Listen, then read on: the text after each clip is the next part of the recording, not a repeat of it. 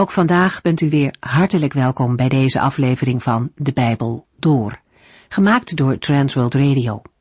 Voor meer informatie kijkt u dan op onze website transworldradio.nl.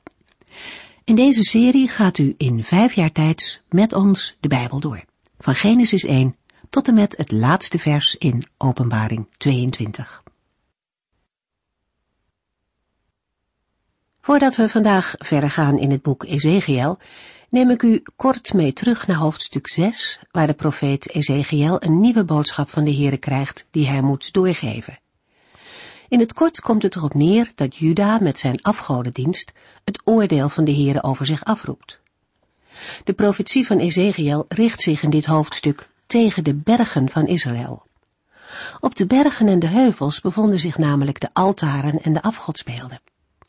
Dat waren de plaatsen waar de afgoden vereerd werden. Al in de wetten van Mozes had de Heere het volk laten weten dat hij geen afgoderij dulde. Wanneer het volk er toch voor zou kiezen om afgoden te dienen, dan zouden de gevolgen immens groot zijn. In dit hoofdstuk lezen we dat de Heere zijn woord houdt en dat er van de afgoden en van hun altaren niets over zal blijven. Het land wordt verwoest en de bevolking zal worden weggevoerd naar verre landen. In Ezekiels tijd is dat maar al te waar. Het doel van deze straf, en in het algemeen van Gods tucht, is dat het volk tot inkeer komt. De Heere wil dat ze opnieuw beseffen dat Hij alleen God is en geen ander. In Ezekiel komen we nog vaak de uitdrukking tegen, zodat u zult erkennen dat ik de Heere ben. Dat is het doel van God. Een toegewijd volk dat geen andere goden dient dan alleen de ware God. Vandaag lezen we het tweede deel van de boodschap die Ezekiel kreeg.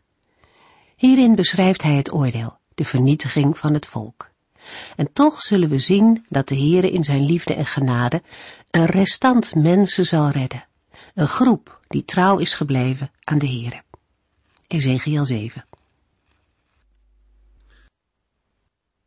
Tussen het uitspreken van Ezekiel 6 en 7 en de werkelijke vervulling ervan liggen misschien wel vijf jaar. Naar de omstandigheden vlak na het uitspreken van de profetieën leek het er nog niet op dat het zo zou gaan zoals Ezekiel had geprofeteerd. Het leek er in eerste instantie op dat Jeruzalem er juist genadig vanaf zou komen en dat de tempel gespaard zou worden, precies zoals de valse profeten hadden verkondigd. Als we nog even terugdenken aan het voorgaande, in die situatie lag de profeet Ezekiel voor de tekening met het aanvalsplan voor Jeruzalem. In Ezekiel 7 worden veel dingen herhaald. Dat kan zijn omdat de ondergang van Israëls bevolking niet echt doordrong of voor mogelijk werd gehouden. De Israëlieten en hun leiders geloofden zo fanatiek dat Jeruzalem en vooral de tempel nooit voor goed in niet-Joodse handen konden vallen. Aan de andere kant kunnen de herhalingen ook veroorzaakt worden door de heftige gemoedstoestand van de profeet Ezekiel. Hij fungeerde nu wel als de mond van God, maar daarom bleef hij wel een gewoon mens. Ezekiel is eindeloos ver van huis en zit tussen een groepje medegevangenen. Aan hen moet hij met goddelijke zekerheid vertellen dat hun land wordt verwoest, inclusief Jeruzalem en de tempel.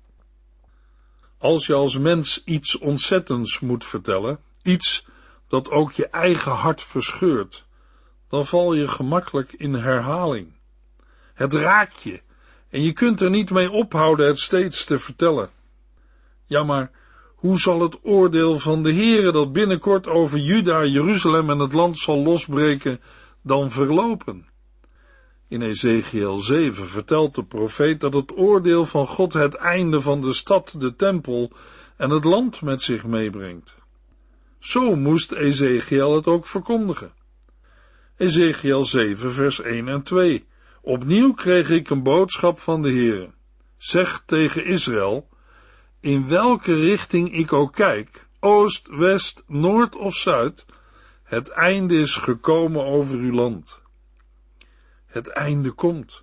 Over het hele land. Alle vier de richtingen worden genoemd. De woorden het einde is gekomen over uw land heeft ook betrekking op de inwoners. In Amos 8 vers 1 tot en met 3 lezen we een gelijksoortige profetie. Toen liet de oppermachtige Heere mij in een visioen een mand met rijp fruit zien. Wat ziet u, Amos? vroeg hij. Ik antwoordde een mand met rijp fruit. De Heere zei, dit fruit stelt mijn volk Israël voor, rijp voor de straf. Ik zal de bestraffing van mijn volk niet langer uitstellen. Dan zal het zingen in de tempel veranderen in geklaag. Overal zullen lijken liggen. In alle stilte zullen zij uit de stad worden gedragen. De Israëlieten hadden moeite met de woorden van de profeten. Zij konden niet geloven dat de Heere dit met zijn eigen stad zou doen. Maar ook de profeet Habakkuk bevestigt deze woorden in Habakkuk 2 vers 3. Ezekiel 7 vers 3. Het is zover. Ik laat mijn toorn op u los. Ik zal oordelen over uw gedrag en u zult boeten voor al uw goddeloze praktijken. Over het hele land zal de toorn van de Heere uitbreken. De aanzegging neemt niet weg dat de belofte van de Heere over een restant dat overblijft, onveranderd overeind blijft. In Jesaja 11 vers 12 lezen we, in die tijd zal de Heere voor de tweede keer een restant van zijn volk terugbrengen naar het land Israël. Zover is het in vers 3 nog niet. Maar het zal zeker gebeuren. In vers 3 wordt ook aangegeven waarom het oordeel komt. Ik zal oordelen over uw gedrag en u zult boeten voor al uw goddeloze praktijken. Ezekiel 7 vers 4 Ik zal u niet ontzien en geen medelijden tonen. Ik zal u al uw zonden betaald zetten en u zult erachter komen dat ik de Heer ben. Zijn dit woorden van de God die zijn zoon niet gespaard heeft, maar voor ons allen heeft overgegeven? Ja, dit zijn woorden van dezelfde God. Iemand zal zeggen, ja, maar ze staan wel in het Oude Testament. Nu, wat de Heer betreft, maakt dat niet uit. Hij is dezelfde God in het Nieuwe Testament. De God van Abraham, Isaac en Jacob is dezelfde God als de God en Vader van de Heer Jezus Christus. De drie-enige God, Vader, Zoon en Heilige Geest. In Ezekiel 7 vers 4 gaat het over de Heere als rechter. En als onpartijdige en rechtvaardige rechter kan de Heere niet besluiten om de voorafgestelde sancties niet uit te voeren. Wat vindt u van een rechter die een geveld vonnis niet uitvoert? De overtreders, die na herhaalde waarschuwingen niet tot inkeer kwamen, worden nu geoordeeld. Het vonnis wordt uitgevoerd. De woorden, en u zult erachter komen dat ik de Heere ben, hebben tot doel om het schuldige volk tot erkentenis te brengen van Gods recht en majesteit. Ezekiel 7 vers 5 en 6 De oppermachtige Heere zegt, met de ene ramp na de andere zal ik u naar de afgrond drijven. Het einde nadert, uw lot, uw verwerping ligt vast. Israël zal ramp op ramp te verduren krijgen. De nabije toekomst was voor Juda en Jeruzalem in één woord inktzwart. Buiten de muren van de stad zou het zwaard huishouden en binnen de muren de honger en de pest. Ezekiel 7, vers 7. Och Israël, de dag van uw veroordeling breekt aan. De tijd is gekomen en uw ongeluksdag nadert. Het is een dag van eindeloze paniek, zonder een enkele vreugdekreet. De versen 5 tot en met 9 zijn naar de inhoud vrijwel gelijk aan de versen 1 tot en met 4. Opvallend zijn de korte zinnen die als korte uitroepen op elkaar worden gestapeld. Ze komen er emotioneel en kort gesproken uit. Ze zijn erop gericht om het volk onder de indruk te brengen van de verschrikking van het komende oordeel en van de snelheid waarmee het nadert. De dag van uw veroordeling zal geen blijdschap brengen, zoals Israël in zelfgenoegzame verblinding dacht, maar schrik en verbijstering. Ezekiel 7 vers 8 en 9 Binnenkort zal ik mijn toorn over u uitstorten en u straffen voor al uw goddeloze daden. Ik zal u niet sparen nog medelijden met u hebben, en u zult te weten komen dat de Heere u dit aandoet. De dag van de veroordeling komt steeds dichterbij. Het ogenblik zal spoedig aanbreken. We lezen in deze verse ook een herhaling van vers 3 en 4. De woorden u zult te weten komen dat de Heere u dit aandoet, kunnen een verkeerde indruk wekken. In het licht van het feit dat de rechter het vonnis heeft geveld en nu ook zelf het oordeel uitvoert, kunnen we beter vertalen. Dan zult u weten dat ik, de Heere, het ben die u slaat. Ezekiel 7 vers 10 en 11 De oordeelsdag is gekomen. Het ongeluk komt over u, want uw goddeloosheid en trots hebben hun toppen bereikt. Het geweld is opgebloeid tot een stok om daarmee de goddeloosheid te straffen. Geen van deze rijke en goddeloze, arrogante mannen zal in leven blijven. Uw welvaart zal verdwijnen en er zal niets van waarde overblijven. De uitleg van de woorden in vers 10 zijn moeilijk. En er worden verschillende opvattingen verdedigd. Het meest aannemelijk is dat het schuldige volk door zijn goddeloosheid en trots de stok waarmee de Heer het zal straffen over zichzelf heeft afgeroepen. Met de stok is dan het trotse en overmoedige Babel bedoeld. En wat zal er overblijven? Uw welvaart zal verdwijnen en er zal niets van waarde overblijven. Zo zal het Jeruzalem vergaan als de Babyloniërs de stad opnieuw omsingeld hebben en de voedseltoevoer naar de stad wordt stilgelegd. Wat heb je dan aan prachtige zilveren afgodsbeeldjes? Als je buik pijn doet van de honger en de mensen jezelf en je kinderen vel overbeen door de stad schuifelen op zoek naar voedsel. Wat heb je dan aan al je goud en zilver? Bij wijze van spreken zul je het uit vertwijfeling en wanhoop als waardeloze rommel op straat smijten of verkopen.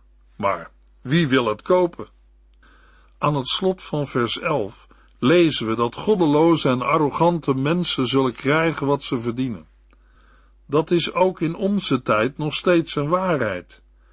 Wanneer het lijkt alsof God tegenwoordig de slechte en trotse mensen negeert, wees er dan zeker van dat er een dag van oordeel komt, zoals die ook kwam voor Juda en Israël.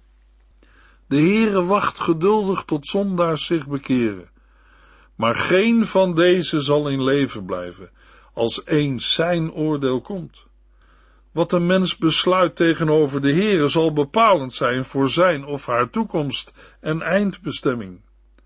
De Israëlieten vertrouwden op welvaart en bezittingen in plaats van op God. Daarom was de Heere van plan de basis van hun welvaart te vernietigen.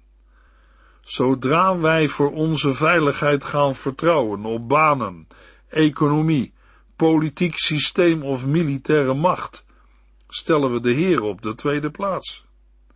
Ezekiel 7 vers 12 Ja, de tijd is gekomen. De dag is aangebroken. Er zal niets zijn om te kopen of te verkopen, want de toorn van God rust op het hele land dat tegen hem in opstand is gekomen. Alles van waarde wordt in tijden van hongersnood waardeloos.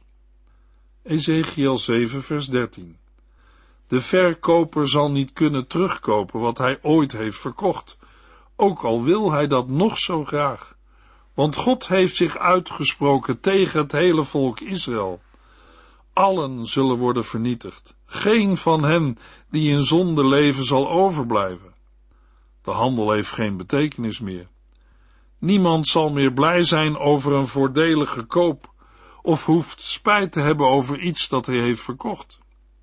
Ezekiel 7 vers 14 De trompetten roepen naar Israëls leger.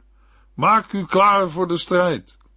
Maar niemand zal zich klaarmaken, want mijn toorn rust op het hele volk. Alle pogingen om een effectieve verdediging te organiseren zullen tevergeefs zijn. Want als de trompet wordt geblazen om te verzamelen, zal niemand zich klaarmaken. Als de toorn van God op een volk rust, is er geen vrede. In Jesaja 57, vers 20 en 21 lezen we, maar zij die mij blijven afwijzen, zijn als de rusteloze zee die nooit stil ligt, maar altijd modder en vuil opwoelt. Voor hen, zegt mijn God, is er geen vrede. Ezekiel 7, vers 15. Als u zich buiten de muren begeeft, staat de vijand daar klaar om u te doden. Als u binnen blijft, zullen honger en ziekten u verteren. Buiten de stad eist het oorlogsgeweld zijn slachtoffers. Binnen de stad zullen honger en ziekten toeslaan. Ezekiel 7, vers 16. Ieder die ontsnapt, zal eenzaam zijn als de kirrende duiven op de bergen, kreunend om de misdaden die hij heeft begaan. Het eenzame en woeste bergland, dat zoveel mogelijkheden biedt om zich te verbergen, is in de Bijbel soms de veilige schuilplaats van hen die op de vlucht zijn. Het klagen over hun ellende zal nog bitterder worden door de verwijten die zij zichzelf zullen maken, wanneer zij tot het besef zullen komen dat het hun eigen zonde en misdaden zijn die al dit leed over hen heeft gebracht. Ezekiel 7 vers 18 U zult rouwkleding dragen, afschuw en schaamte zullen u bedekken. U zult uw hoofden kaal scheren als teken van rouw. Bedoeld is de ruwe, uit haar van geiten of kamelen gemaakte kleding. Afschuw en schaamte worden voorgesteld als kleren die men aan heeft. Het kaalscheren van hoofdhaar als teken van rouw werd door de wet verboden. Dat het in Israël toch werd gedaan, blijkt uit verschillende Bijbelteksten, onder andere hier in Ezekiel 7. Ezekiel 7 vers 19 u zult uw geld weggooien, het als afval beschouwen, want op die dag van toorn zal het geen enkele waarde hebben. Het zal u geen bevrediging noch voldoening geven, want uw geldzucht was de aanleiding tot uw zonde. Gods volk had zich door de liefde voor het geld tot zonde laten verleiden. Daarom zou de Heere het vernietigen. Geld heeft een opmerkelijke macht om mensen tot zonde te verleiden. Paulus schrijft in 1 Timotheus 6 vers 10, want de liefde voor het geld is de eerste stap naar allerlei andere zonden. Sommige mensen hebben zich daarvoor zelfs van God afgekeerd en zich veel ellende op de hals gehaald. Dat de belegerde inwoners van Jeruzalem het geld weggooien en als afval beschouwen, komt door het feit dat er een situatie is ontstaan waarbij het bezit van geld geen zin meer heeft. Daarbij komt nog dat we bij zilver en goud ook aan afgodsbeelden moeten denken. De woorden zilver en goud vinden we in de Hebreeuwse tekst van Ezekiel. Verder lezen we in Spreuken 11 vers 4, aardse bezittingen helpen niet tegen Gods woede, alleen oprechtheid is voor hem van waarde. Ten slotte lezen we in Sofania 1 vers 18, waar het gaat over het oordeel over Juda, op die dag van de toren van de Heere zullen zij niets hebben aan hun zilver of goud, want daarmee kunnen zij hun leven niet redden. Ezekiel 7 vers 20 U heeft uw schatten omgesmolten tot afgodsbeelden waar u zo over opschept. Daarom zal ik het in vuilnis veranderen, zodat u het zult verafschuwen. De Heere schonk het volk zilver en goud, maar zij gebruikte het om afgodsbeelden van te maken. De toorn van de Heere kan niet met goud en zilver worden gestild. De inwoners van Jeruzalem kunnen er in een belegerde stad ook geen voedsel verkopen. Als ze zich daar bewust van worden, gaan ze het goud en zilver verafschuwen en als vuilnis weggooien. Ezekiel 7 vers 21 en 22 ik zal uw afgodsbeelden als buit aan buitenlanders en goddeloze volken geven. Zij zullen die afgoden die u hebt gediend ontwijden. Ik zal niet kijken als zij dat doen, en ik zal hen ook geen halt toeroepen. Als rovers zullen zij zelfs het heilige, mijn tempel, binnendringen en ontheiligen. Met de buitenlanders zijn de Babyloniërs bedoeld. De Heere zal niet ingrijpen en toelaten dat zijn tempel wordt binnengedrongen en ontheiligd. Toch zal de Heere de indringers niet voor onschuldig houden. In openbaring 18 en 19 wordt de val en de verwoesting van Babylon beschreven. Een engel uit de hemel roept met krachtige stem. Gevallen! De grote stad Babylon is gevallen. Zij is een woonplaats geworden van demonen en een gevangenis voor alle boze geesten. Ezekiel 7 vers 23 en 24 Maak ketens klaar voor mijn volk, want overal in het land worden bloedbaden aangericht. Jeruzalem is vol geweld. Ik zal uw trots vernietigen, door de wreedste volken naar Jeruzalem te sturen om uw huizen in bezit te nemen, de hoogmoed van de machthebbers te vernederen en hun heiligdommen te ontheiligen. De ketens moeten dienen om de overgeblevenen van Juda in ballingschap weg te voeren. De inwoners van Jeruzalem waren trots op hun gebouwen. De tempel op zich was een bron van trots. Maar de Heere zal hun trots vernietigen, als de slechte en goddeloze Babyloniërs, de huizen en heilige plaatsen van Jeruzalem ontheiligen. Ook voor ons kan gelden dat vernederende ervaringen door de Heere gebruikt kunnen worden om trots uit ons leven te verwijderen. Ezekiel 7 vers 25 tot en met 27 Want de tijd is gekomen dat angst en paniek zullen heersen en dat u rust en vrede zult zoeken, maar die zal er niet zijn. Ramp na ramp zal u treffen, het ene ongeluk na het andere. Men zal tevergeefs uitzien naar de openbaring van een profeet, tevergeefs wachten op het onderwijs van een priester, tevergeefs hopen op advies van de leiders. De koning en zijn adviseurs zullen door wanhoop zijn verlamd. De mensen zullen radeloos zijn van angst, want ik zal hen net zo slecht behandelen als zij anderen hebben behandeld. Zij ontvangen hun verdiende loon. Dan zullen zij moeten toegeven dat ik de Heere ben. In dagen van ellende en gevaar doen talloze geruchten de ronde. Mensen zoeken naar vrede, maar die zal er niet zijn. Mensen zien uit naar openbaringen van profeten, naar het onderwijs van een priester of advies van leiders. Maar de leiders staan machteloos en kunnen niet helpen. Met de koning en zijn adviseurs worden Sedekia en zijn hoge ambtenaren bedoeld. Als zij wanhopig en verlamd van angst zijn, is het geen wonder dat het volk radeloos is zal het hem brengen tot de beleidenis en erkenning dat er maar één ware God is, en toegeven dat ik de Heere ben?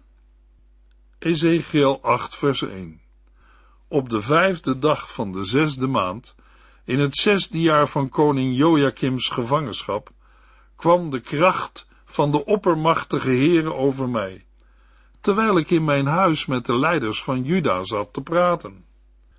In een nieuw visioen laat de Heer aan Ezekiel de gruwelen zien die in de tempel in Jeruzalem plaatsvinden.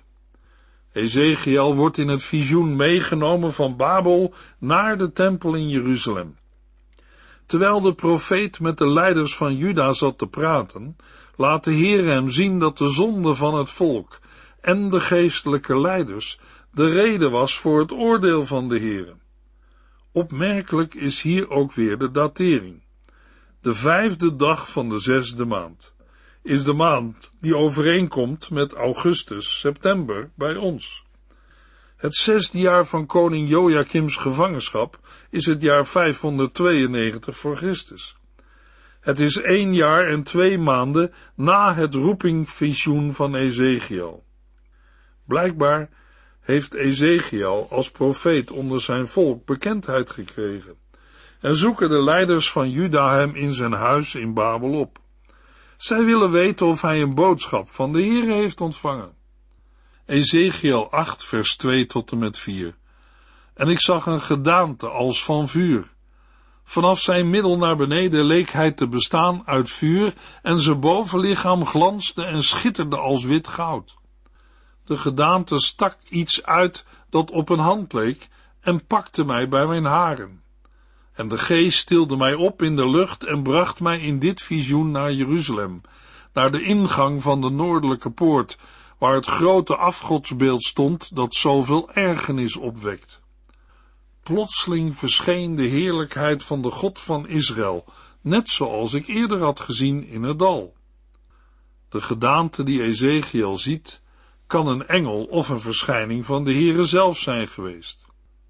In Ezekiels vorige visioen werd een gestalte die er als een mens uitzag, voorgesteld als de Heere op zijn troon. De Heilige Geest brengt Ezekiel in het visioen naar Jeruzalem, naar de ingang van de noordelijke poort. Het grote afgodsbeeld dat zoveel ergernis opwekt, kan een afbeelding van Asherah zijn geweest, de Canaanitische godin van de vruchtbaarheid, die aanzette tot seksuele immoraliteit en zelfbevrediging. Koning Manasse had zo'n afgodsbeeld in de tempel gezet.